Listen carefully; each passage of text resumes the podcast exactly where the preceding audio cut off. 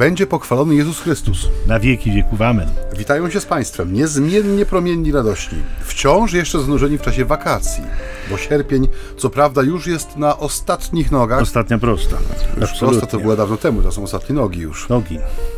Ale wciąż jeszcze mamy czas wakacyjny, e, ostatnia niedziela tychże wakacji i mamy przed sobą Ewangelię, która mm, no, zabiera nas w miejsce dosyć wyjątkowe, szczególne i ważne. Mianowicie Cezarea e, Filipowa. Pozwolę sobie odczytać Ewangelię na dzisiaj, a Państwo słuchają audycji między nami homiletami, czyli ćwierćtony Sambony prowadzonej przez ojców Michała Nowaka Franciszkanina I Macieja Werbiste Barona. Bóg zapłać za zapowiedź. Przechodzę do tekstu. Ojcze, zapowiedziałeś go tak, że z uwagą go posłucham, bo mam wrażenie, że nigdy nie słyszałem wcześniej. My. Więc dzisiejsza Ewangelia jest zaczerpnięta e, ze świętego Mateusza, rozdział 16, wersety od 13 do 20. Gdy Jezus przyszedł w okolice Cezarei Filipowej, pytał swych uczniów, za kogo ludzie uważają Syna Człowieczego? A oni odpowiedzieli, jedni za Jana Chrzciciela, inni za Eliasza, jeszcze inni za Jeremiasza albo jednego z proroków. Jezus zapytał ich, a wy, za kogo mnie uważacie? Odpowiedział Szymon Piotr, Ty jesteś Mesjasz, Syn Boga Żywego. Na to Jezus mu rzekł, błogosławiony jesteś Szymonie, synu Jony, albowiem ciało i krew nie objawiły Ci tego, lecz Ojciec mój, który jest w niebie. Otóż i ja Tobie powiadam, Ty jesteś Piotr, czyli skała, i na tej skale zbuduję kościół mój, a bramy piekielne go nie przemogą. I Tobie dam klucze Królestwa Niebieskiego. Cokolwiek zwiążesz na ziemi, będzie związane w niebie, a co rozwiążesz na ziemi, będzie rozwiązane w niebie. Wtedy przykazał uczniom, aby nikomu nie mówili, że On jest Mesjaszem. To jest, drodzy Państwo, ten jeden z tych fragmentów ewangelicznych, e, co do których nam się kartki chyba sklejają, zwłaszcza kaznodzieją. Ja nie wiem jak ojcu Maciejowi, ale e, dla mnie ten fragment stanowi nieodmiennie wyzwanie, ponieważ ja mam w ogóle wrażenie, że on co trzy miesiące jest czytany. Mniej więcej. Więc y, po prostu to krzesanie nowych treści z, z niego, oczywiście y, y, jasne, kto jak kto, ale my doskonale rozumiemy, że nie zawsze chodzi o nowe treści, i nie zawsze chodzi o to, żeby tu się gimnastykować i wymyślać coś. Chodzi raczej o to, żeby pozwolić słowu mówić i żeby pozwolić słowu oddziaływać. Ale przyznam szczerze, że niejednokrotnie e, jakby te nasze, może właśnie, stereotypy, o których wspominaliśmy Państwu tydzień temu w, w różnych wydaniach, mm, e, także w perspektywie naszej wiary i religijności, mm, e, no, dotykają nas i w perspektywie czytania Słowa Bożego, że pewne myśli, pewne słowa, pewne sposoby Myśli, rozumienia. Słowa. Brawo, wygrał ojciec Lodówka. 10 tysięcy. To właśnie był siódmy fragment. To siódmy fragment był i już, i już wszystkie ojciec odgadł, e, jak w jakiej to melodii. Natomiast e, wracam do, do tej myśli, że e, jakby rzu- narzucają się od razu pewne sposoby rozumienia tekstu, zanim jeszcze dobrze do niego usiądziemy, no już wiemy, co można by na jego temat powiedzieć, czy w jaki sposób można by go odczytać. I to rodzi pewną trudność samą w sobie, bo, bo przekroczenie tego, wyjście poza to, e, no nie jest e, wcale takie łatwe. Ja to słowo rzeczywiście przeczytałem w kontekście e, właśnie tym, o którym mówiliśmy absolutnie na samym początku, kończących się wakacji. Ja, ja mam takie wrażenie, zobaczyłem Jezusa mm, jako kogoś, kto stawia u kresu tych wakacji przez wielu z nas przeżytych w jakiś tam sposób, na pewno twórczy, e, odmienny od codziennego, być może w innych miejscach, być może wśród innych osób, być może w perspektywie jakiegoś zorganizowanego wyjazdu, być może zaaranżowanych sytuacji pojedynczych na RODOS. No, nie wiemy. Nie wiemy, gdzie Państwo spędzali te wakacje. Starsi może w domu, a może wcale nie, młodsi różnie. No, wszelako. To każdy z nas jest inny, każdy z nas ma swój sposób. Natomiast mam takie wrażenie, jakbym widział Jezusa, który stawia pytanie kontrolne u kresu tego czasu. Tak jakby chciał nam powiedzieć, weź pod uwagę ten czas odpoczynku, te dwa miesiące, które właśnie dobiegają końca i oceń poziom naszej relacji. Weź e, te obrazki, które masz pod powiekami, weź e, jakby te doświadczenia, które stały się Twoim udziałem w tym czasie. Widziałeś ten świat, może byłeś w różnych miejscach, widziałeś ludzi i ich zachowania, i te obrazki, które masz, one z pewnością wiele mówią o tym, kim ja jestem dla nich. A teraz weź te same obrazki i spójrz w nich na siebie.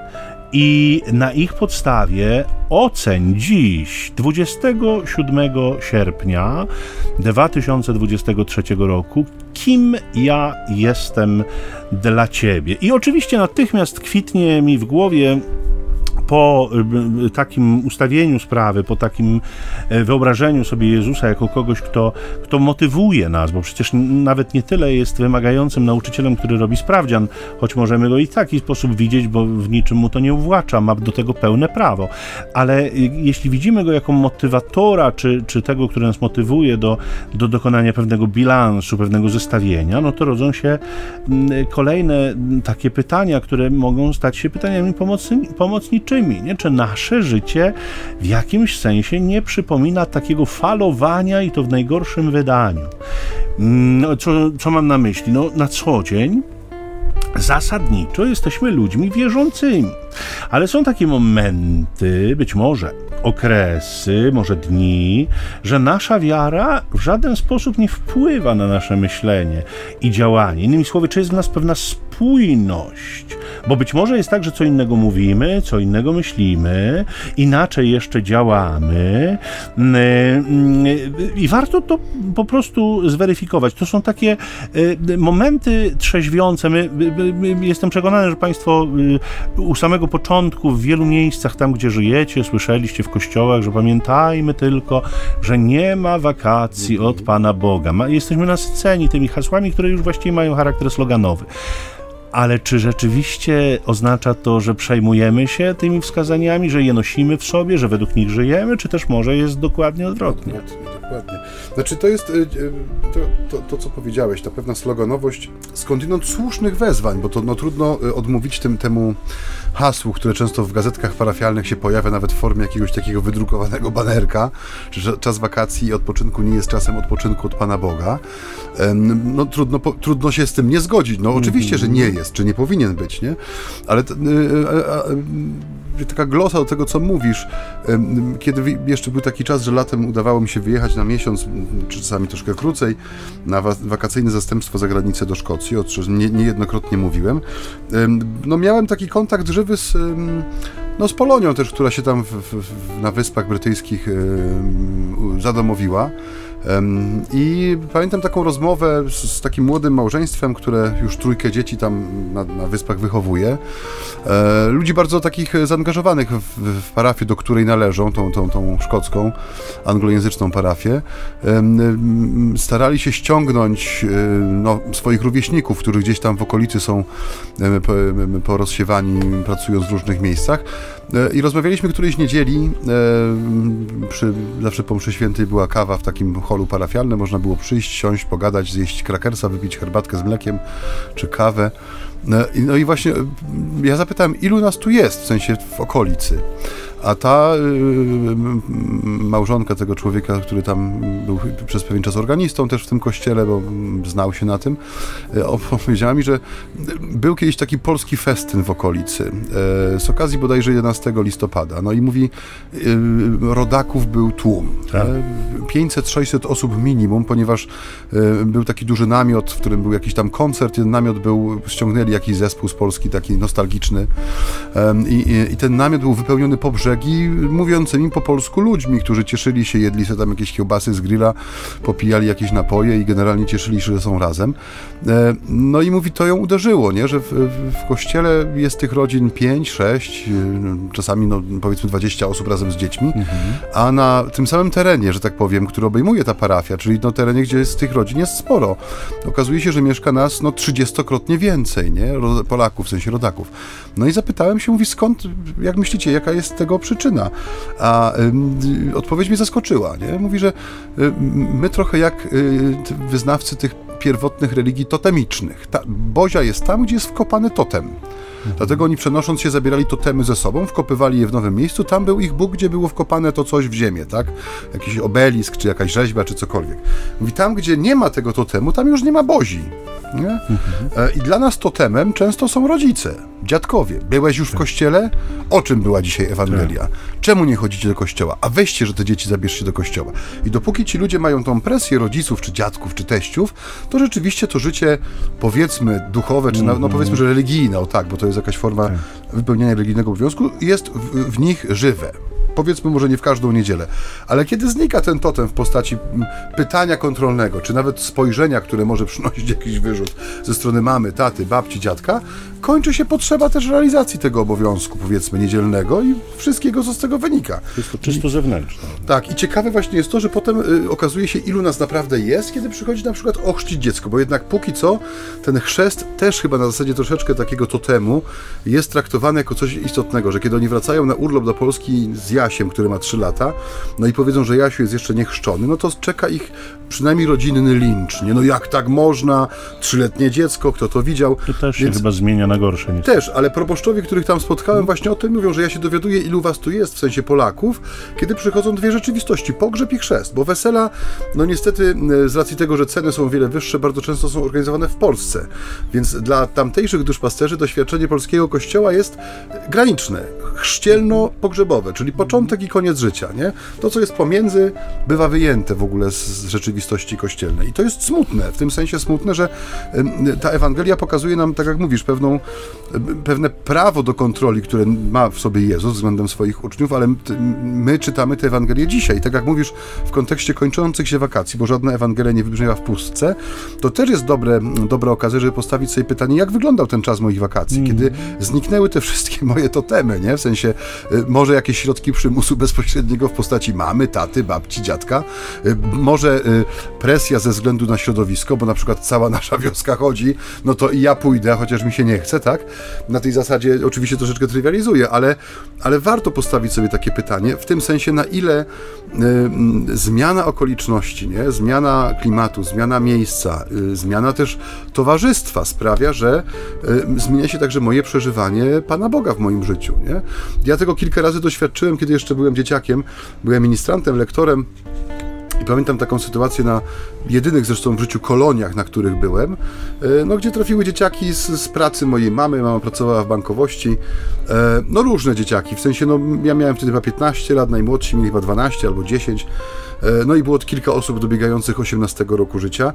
I pamiętam, że był to moment, bo jechaliśmy w pierwszym te, wolnym, pierwszym możliwym terminie, że uroczystość świętych Piotra i Pawła to był chyba drugi dzień tych kolonii. I myśmy do kościoła mieli z tego ośrodka, w którym mieliśmy e, zakwaterowanie, może 800 metrów.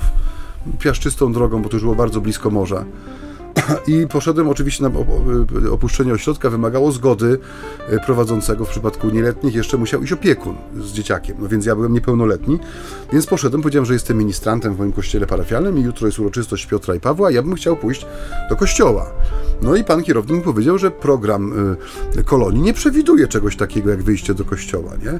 No ja jeszcze nie byłem świadom przysługujących mi praw, jeżeli chodzi o bycie jednostką ludzką, no więc poszedłem drugi raz do pani, która była opiekunką grupy i powiedziałem dokładnie to samo.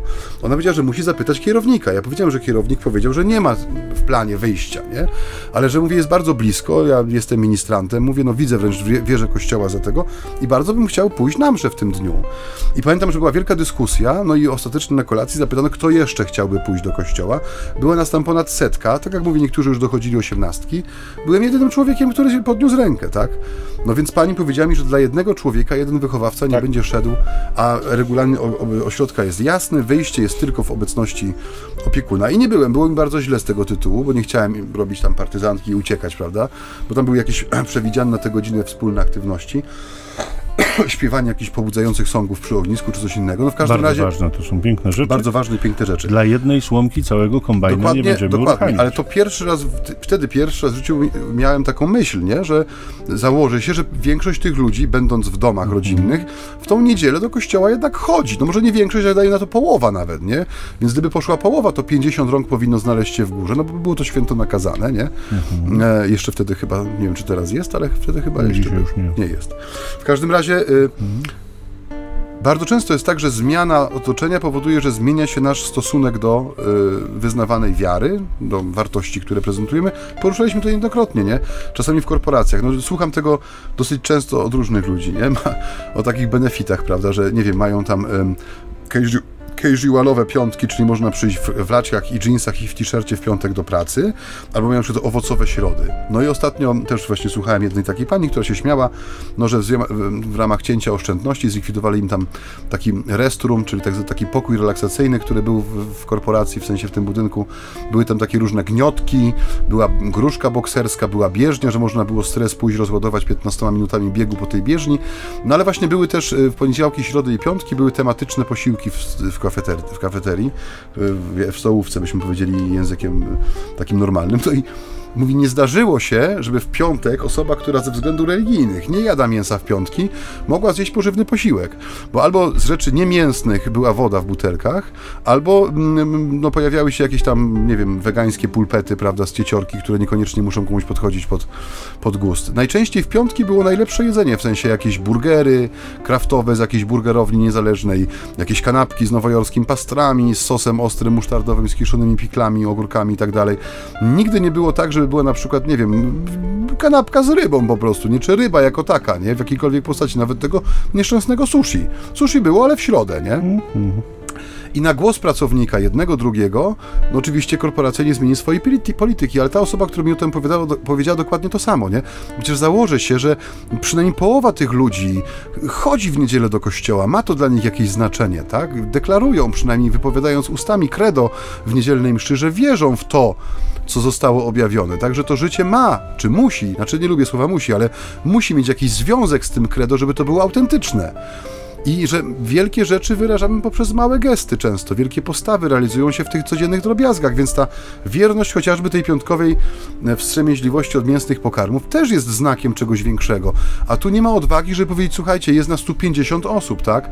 Czy, czy wszyscy chcą jeść w piątek mięso, czy są osoby, które chciałyby na przykład pastę serową z rzodkiewką? No ale to jest passe. Dokładnie. Przyznać się. Przyznać się i powiedzieć, że tak.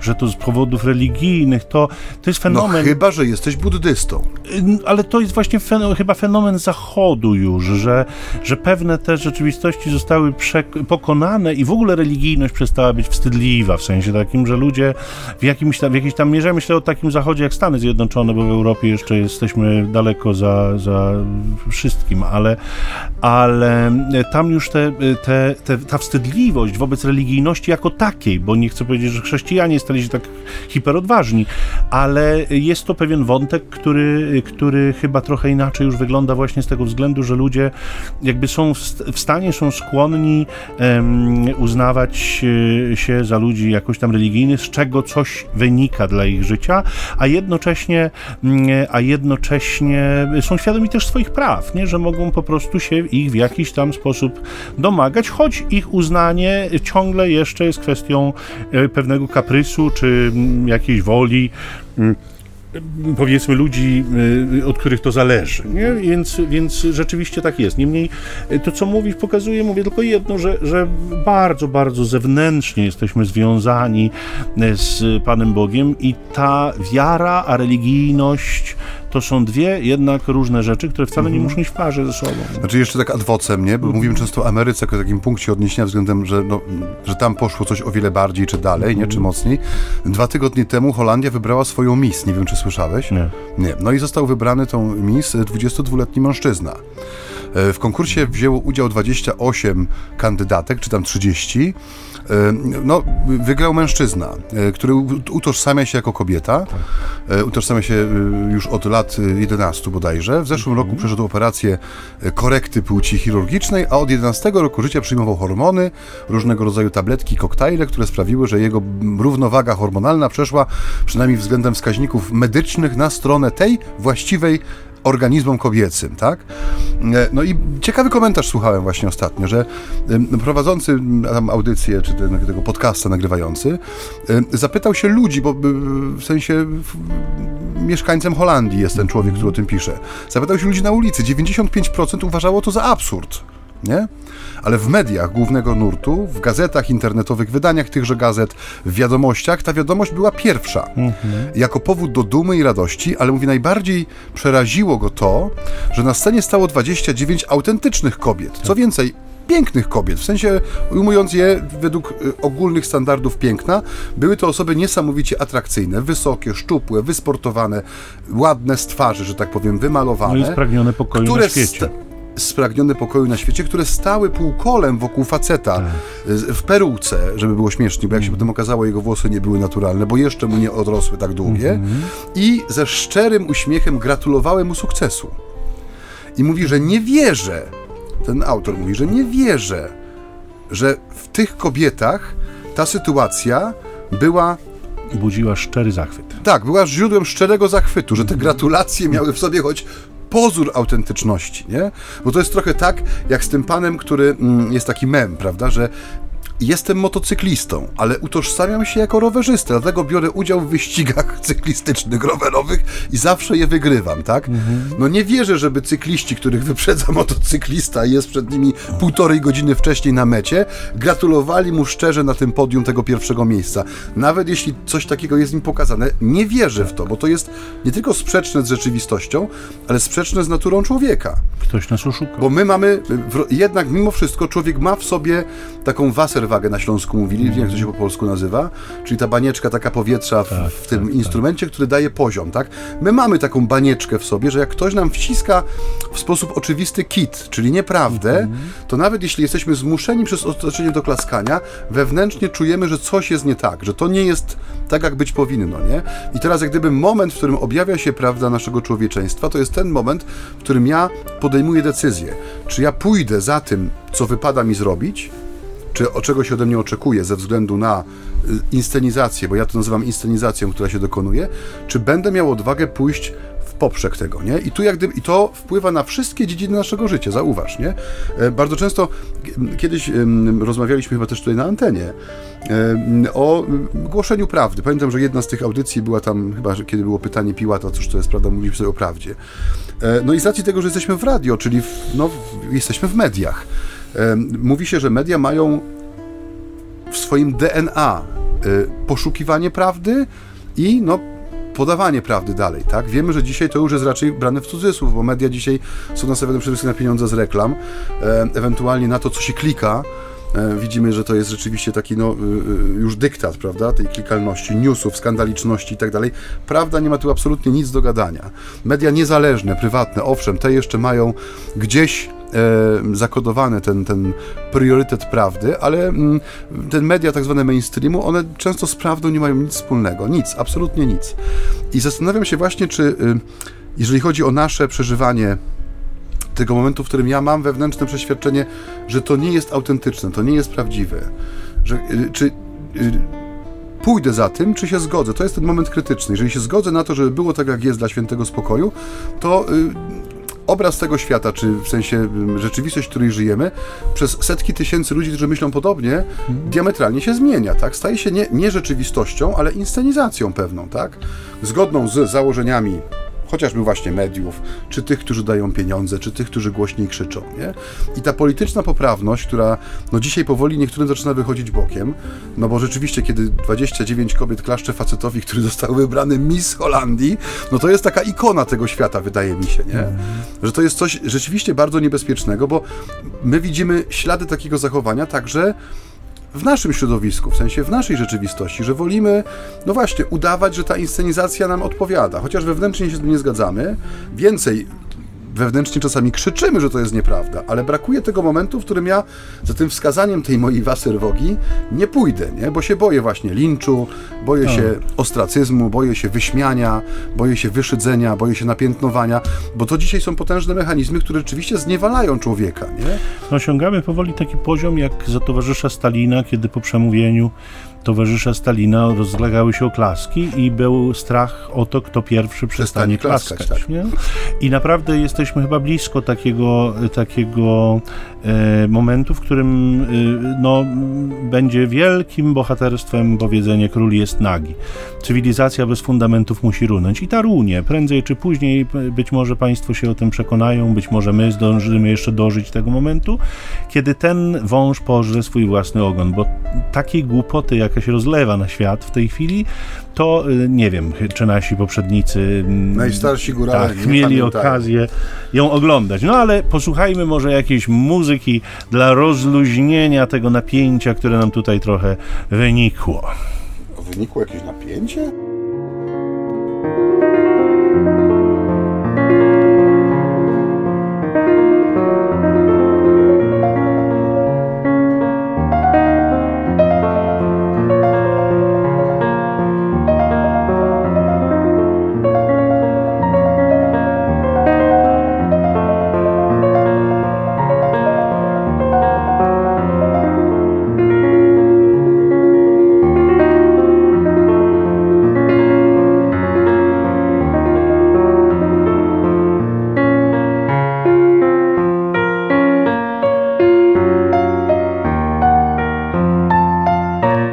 Drodzy Państwo, witamy Was po krótkiej przerwie muzycznej.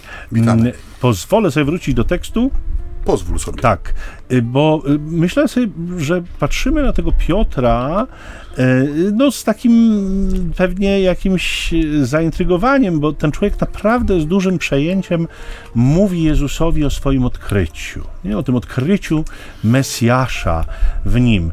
Podejrzewam, wiecie Państwo, tak się nad tym zastanawiając często, że my jednak trochę jesteśmy pozbawieni e, siłą rzeczy e, tego wyczucia, jak silne to budziło emocje, choćby takie wyznanie w Żydach, w Piotrze, Piotrze, bo my nie czekaliśmy tak na Mesjasza jak oni. Dla nich przyjście Mesjasza było spełnieniem ich religijnych i społecznych marzeń, powiedzmy sobie szczerze. No w tym jakby przyjściu Jezusa y, upatrywali rozwiązywania czy rozwiązania wszystkich swoich problemów, więc wyznać coś takiego to znaczyło tyle samo, co zakończyliśmy proces oczekiwania jesteś z nami. Rozkazuj wodzu, co możemy e, dla ciebie zrobić. Kiedy się nad tym zastanawiałem, to myślę sobie takim dalekim echem, e, no, mającym pewne cechy podobieństwa. Nie wiem, czy pamiętasz, wiele lat temu, kiedy Jan Paweł II przyjechał na jedną z pielgrzymek do kraju, zorganizowano mu wizytę u jakiejś rodziny. Mhm. Takiej, nie? Gdzieś to, nie wiem, czy to było przy tam, przy... Na północy gdzieś to było. Chyba. No właśnie, nie to wiem. było krótko po tym rejsie. Otóż to, o, o, o, o, o, to właśnie mi się wydaje, że gdzieś to było w kremówce tam zjedzonej. Tak, ja oczywiście już nie pomnę tej nazwiska tej rodziny, bo to lata temu, ale, ale pamiętam ich w telewizji, jak z przemięciem o tym opowiadali, ten młodzież czy dzieci z płaczem, że papież był u nich w domu, nie? I, i y, wtedy, no wiadomo, nie? Że ludzie przeżywają to bardzo głęboko i wtedy wszystko, co jest wokół nas, wydaje się takie mało adekwatne dla przyjęcia takiego gościa. Wszystko jest zbyt liche, wszystko jest za słabe, nawet jakiś po, po, poziom zawstydzenia pewnie potrafi się pojawić też w nas, podczas gdy no, ten gość przecież w żaden sposób najczęściej nie oczekuje nie wiadomo jakich warunków od nas, po prostu chce być przez chwilę E, z nami i to y, y, rzeczywiście mnie bardzo uderza w Piotrze, nie? To jego takie wejście, to jego zaangażowanie, to, to być może jego drżenie głosu, kiedy to wyznaje. Jezus skądinąd ustawia sprawę y, no, w sposób właściwy, to znaczy ojciec pozwolił ci to odkryć. Jemu zależy na tym, żebyście wy mnie rozpoznali, bo wy macie być tego świadkami, to znaczy jesteście dopuszczeni do większej bliskości niż wszyscy inni i będziecie szerzyć tę wiarę i głosić ją innym, a co więcej, Jezus wskazuje na swój zamiar dalszy i tym zamiarem jest założyć Kościół. I przyznam szczerze, że kiedy czytałem to słowo, to ten wątek bardzo mocno stanął mi przed oczami, bo wiemy dokładnie, jak ten obraz Kościoła dzisiaj jest kształtowany właśnie w tych mediach, o których wspominałeś przed chwilą. Przyznam szczerze, mnie od dawna martwiły żarty z kościoła, nie tego rodzaju, które, bo to wiecie, jakby słowo, które kształtuje świadomość, nie? My sobie żartujemy czasem z rzeczy ważnych i one nagle okazują się wcale nie być takie ważne, jak nam się wydawało, że są. Pamiętam te do, dowcipy takie o tym, jak to tam nie, święty Piotr przychodzi do nieba, e, Pan Jezus pyta, kto on jest, on mówi, że on jest Piotr, tutaj szef, czy to tam o jakimś papieżu było, o którym z kolei, no nieważne, w każdym razie, że jest, jest e, widzialną głową Kościoła, w, w, nie w Polsce, tylko na świecie, a Pan Jezus woła gdzieś tam do tyłu, że o tato, zobacz to kółko wędkarskie, które założyłem na ziemię, ono wciąż istnieje, nie? Więc to były takie żarty, które mnie raczej nie śmieszyły i do dzisiaj mnie nie śmieszą. Niemniej y, my dzisiaj, y, tak jak mamy ten związek z Bogiem, no taki jaki mamy, mówiliśmy o tym kawał czasu przed chwilą, to mamy również chyba stereotypowe myślenie o Kościele i ono wynika niewątpliwie z jedzenia tej papki, którą się karmimy. E, oczywiście tylko zło, wszyscy księża są tacy sami. Ja zawsze pytam, ilu ty znasz osobiście księży, nie? Bo to jest najczęściej jeden albo dwóch i to osobiście, co polega na tym, że widzę ich przy ołtarzu.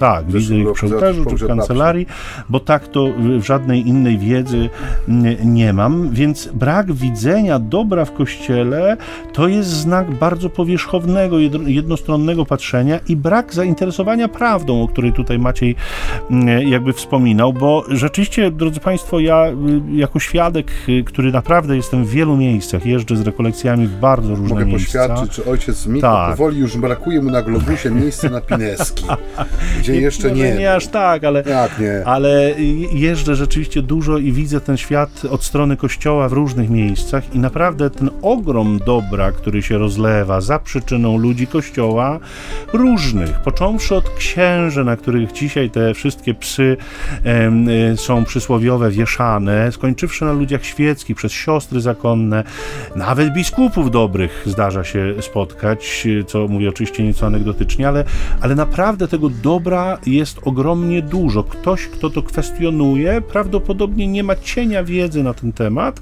natomiast ma jakiś zakres wiadomości, którym jest faszerowany i karmiony w codzienności przez media właśnie, no którym y, mówiliśmy to naprawdę raczej średnio zależy, raczej na przekazie pewnej idei podtrzymania, e, na podtrzymaniu pewnego czarnego PR-u, na dyskredytowaniu autorytetów. E, I myślę, że to jest niesłychanie ważne, żeby jakby no, złapać pewien dystans, nie? żeby złapać właśnie ten balans, o którym wspominałeś, żeby mieć świadomość dobra, którą trzeba w sobie zbudować, o którą trzeba się postarać, której trzeba poszukać, bo Dziś żyjemy w takim świecie, że nikt nam jej nie da, ponieważ ona przeczy tej tezie, która została postawiona, y, że trzeba te y, fundamenty cywilizacji zniszczyć, a niewątpliwie jednym z nich, fundamentów cywilizacji zachodniej, jest Kościół katolicki, więc ten Kościół powinien przestać istnieć albo zostać tak zmarginalizowany i ośmieszony, żeby nikt w żaden sposób na niego nie zwracał uwagi. No, w jednej z książek Petera Krefta, którym się ostatnio zaczytuję w wolne chwile, czy zaczytuję to duże mm -hmm. słowo, biorę do ręki jego książki, -hmm. jest jedna o takim przewrotnym tytule Jak zniszczyć zachodnią cywilizację. Tak. E, I tam jest bodajże 150 takich pytań i odpowiedzi. Też ją nabyłem i będę czytał. Tak, jest.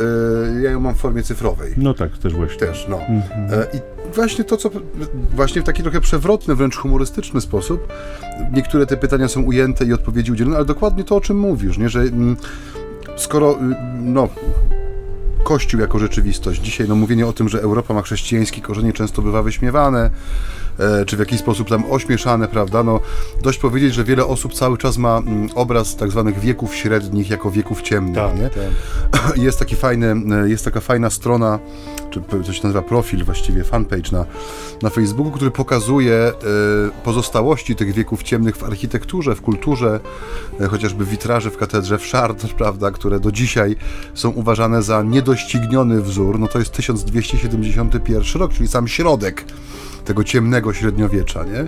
Kiedy patrzymy na uniwersytet, na szpital, to są wszystko wynalazki, tak które w formie nam już prawie że no, znanej, w sensie jako miejsce, gdzie przyprowadza się człowieka chorego, żeby go wyleczyć, to wszystko są y, owoce, że tak powiem, cywilizacji chrześcijańskiej, tego Chrystianitas, który nas kiedyś łączyło. I skoro my dzisiaj nie mamy w sobie absolutnie żadnego oporu przed niszczeniem tego dziedzictwa, to podkopujemy no, korzenie drzewa, z którego owoców żyjemy, tak? W jakiś sposób. To jest, mm, no to jest oczywiste. Ale tak, żeby już powoli podsumować, mówiliśmy sobie ostatnio, że żadna Ewangelia nie jest oderwana czy wyrwana z kontekstu, także w tym oryginalnym kontekście. I ciekawą rzecz znalazłem w takim geograficznym komentarzu do e, Ewangelii Mateuszowej, e, który sytuuje w Cezareli Filipowej e, wspólne, jak gdyby dla wielu wyznań, wielu religii, wielu kultów, pęknięcie w ziemi, taką jaskinię powiedzielibyśmy, czy wlot, w której od niepamiętnych czasów umiejscowiano wejście do tego, co my rozumiemy jako piekło, jako otchłań, jako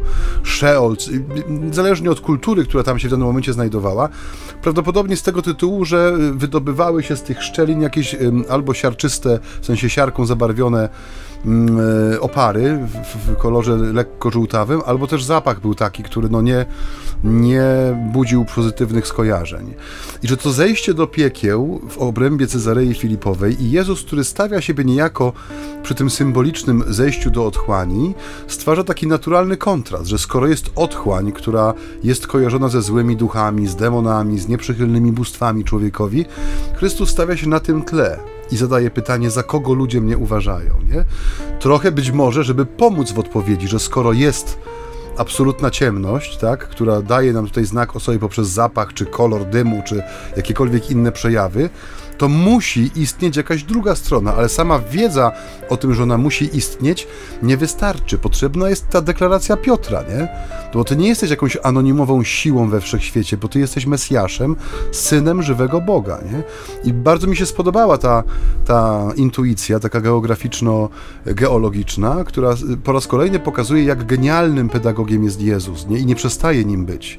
Że ta prawda wcielenia, czyli wejścia Boga w historię i świat człowieka, nie jest symboliczna, nie? że on zabiera uczniów w miejsce, w którym powstaje naturalne tło dla pytania, które być może jest najważniejszym pytaniem w życiu człowieka. Za kogo mnie uważasz, nie? Tak. Ja dziękuję, że ojciec się zgodził. Uwielbiam te krótkie puenty, bo one dają taki, taką możliwość krótkiego oddechu. Ojcze, niech ojciec wilży wargi, a ja... Trzeba kończyć już chyba. Właśnie dlatego nie będę już ojcu tutaj do, do, dopinał niczego, ponieważ ojciec ładnie to podsumował tak jak ja miałem ostatnią audycję, jedną czy drugą, którą puentowałem, to dzisiaj myślę, że będzie znakomicie, jeśli puenta będzie należała do ojca. Drodzy Państwo, badajmy tę naszą wiarę, badajmy tę naszą religijność, sprawdzajmy związek jednego z drugim, patrzmy na to, czym się karmimy w codzienności, patrzmy na to, jakie to ma skutki dla nas, jak było lat temu 10 w naszym myśleniu, jak jest dzisiaj, co na zmianę tego myślenia tak naprawdę wpływa. Niech to będzie taki czas czujności i niech Słowo Boże nas do tej czujności zmotywuje. Dziękujemy jak zawsze za, za udział w tej naszej audycji. Dziękujemy za głosy, które do nas docierają. Zawsze jesteśmy na nie otwarci, więc jeśli Państwo mają ochotę do nas napisać jakąś krótką wiadomość tekstową, to podam za chwilę numer telefonu. Przypominam, że on nie do dzwonienia służy, tak. ale do ewentualnego napisania jakiejś uwagi swojej. Ja się staram na każdy ten SMS choćby dwa słowa podziękowania odpisać. Jesteśmy jesteśmy i, i cieszymy się z kontaktu naszych y, słuchaczy, y, więc ten numer telefonu, na który można pisać to 785 777 100 785 777 100. Można też pisać rzecz jasna na Facebooku y, do ojca Macieja, on tam zawiaduje tymi medialnymi tak. sprawami. Zapraszamy na profil facebookowy, który nosi dokładnie taką samą nazwę jak nasza audycja, czyli między nami homiletami, czyli ćwierć tony zambony. Tam wystarczy dodać się do tej grupy. E, pojawiają się tam zapowiedzi kolejnych odcinków, krótkie refleksje, czasami jakieś intencje, prośby o modlitwę. Zachęcam do tego, żeby tam zaglądać. E, jeszcze raz powtórzę, między nami homilitami, czyli ćwierć tony zambony, jest to fanpage, czyli trzeba tam poprosić o dołączenie. E, zapraszamy. Tak. No i rzecz jasna, y, gdziekolwiek Państwo chcą nas słuchać, to można. Nie tylko na antenie Radia Niepokalanów, choć oczywiście do tego gorąco zachęcamy. Można nas słuchać w internecie, nie tylko na falach radiowych.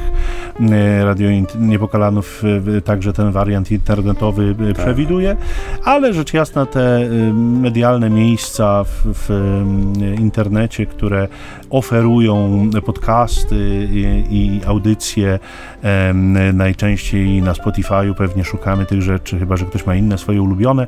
Szukajcie nas, a znajdziecie, powiedział Pan, i my się pod tym podpisujemy. Drodzy, na zakończenie tego naszego dzisiejszego spotkania, spotkania e, e, no, dla nas dość emocjonującego, bo e, mówimy o rzeczach dla nas naprawdę ważnych, w których się nieustannie i, i każdego dnia obracamy, czy wśród których.